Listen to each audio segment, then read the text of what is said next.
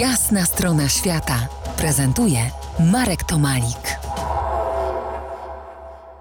Po jasnej stronie świata Andrzej Sikorski, historyk, y, profesor Uniwersytetu imienia Adama Mickiewicza w Poznaniu. Rozmawiamy o niepewnej podróży śladami religii dawnych Słowian. Czy można tych y, śladów szukać y, w baśniach braci Grimm? Nie tylko można, ale tak, tak się robiło. Samo podejście samych braci do przeszłości otworzyło pewnego rodzaju szeroką bramę, przez którą do badań historycznych wlała się, wlały się pozostałości tradycji ustnej, która jeszcze była uchwytna w XVIII czy XIX wieku. Baśnie Grimm, których renoma w świecie badaczy starożytności germańskich tutaj głównie, polegała na tym, że traktowano te baśnie jako zbiór rzeczywiście legend funkcjonujących wśród prostego ludu. Dzisiaj wiemy, że geneza całego zbioru e, jest zupełnie inna i że e, główna informatorka braci Grimm, która miała być starą Marią, którą badacze identyfikowali z taką pomocą podkuchenną, już wiekową, która pochodziła ze wsi.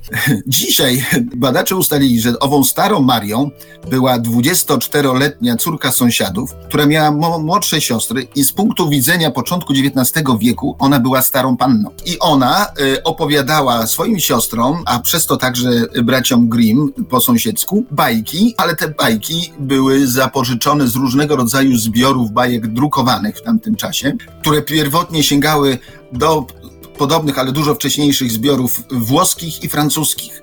Może takim przykładem będą, będzie wielkanocny zwyczaj malowania jaj, nam współczesny teraz.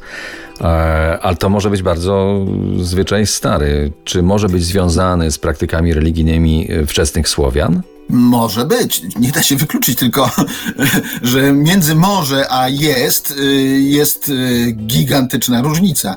Bo nie da się wykluczyć pewnych rzeczy, ale y, jeżeli my zajmujemy się w sposób naukowy badaniem jakiegoś problemu, to przede wszystkim musimy wskazać chociażby w takim minimalnym zakresie jakieś przesłanki uwiarygadniające, niekoniecznie dowody, ale przesłanki uwiarygadniające nasz pogląd. Faktem jest, potwierdzonym archeologicznie z bardzo odległych epok, że dość wcześnie ludzie wykorzystywali skorupy jaj jako przedmiot, który można zdobić. W jakim celu to robili, trudno powiedzieć. Za kilkanaście minut jednak wrócimy do tematu. Może nie jaj, ale tych wierzeń wczesnych Słowian. Zostańcie z nami.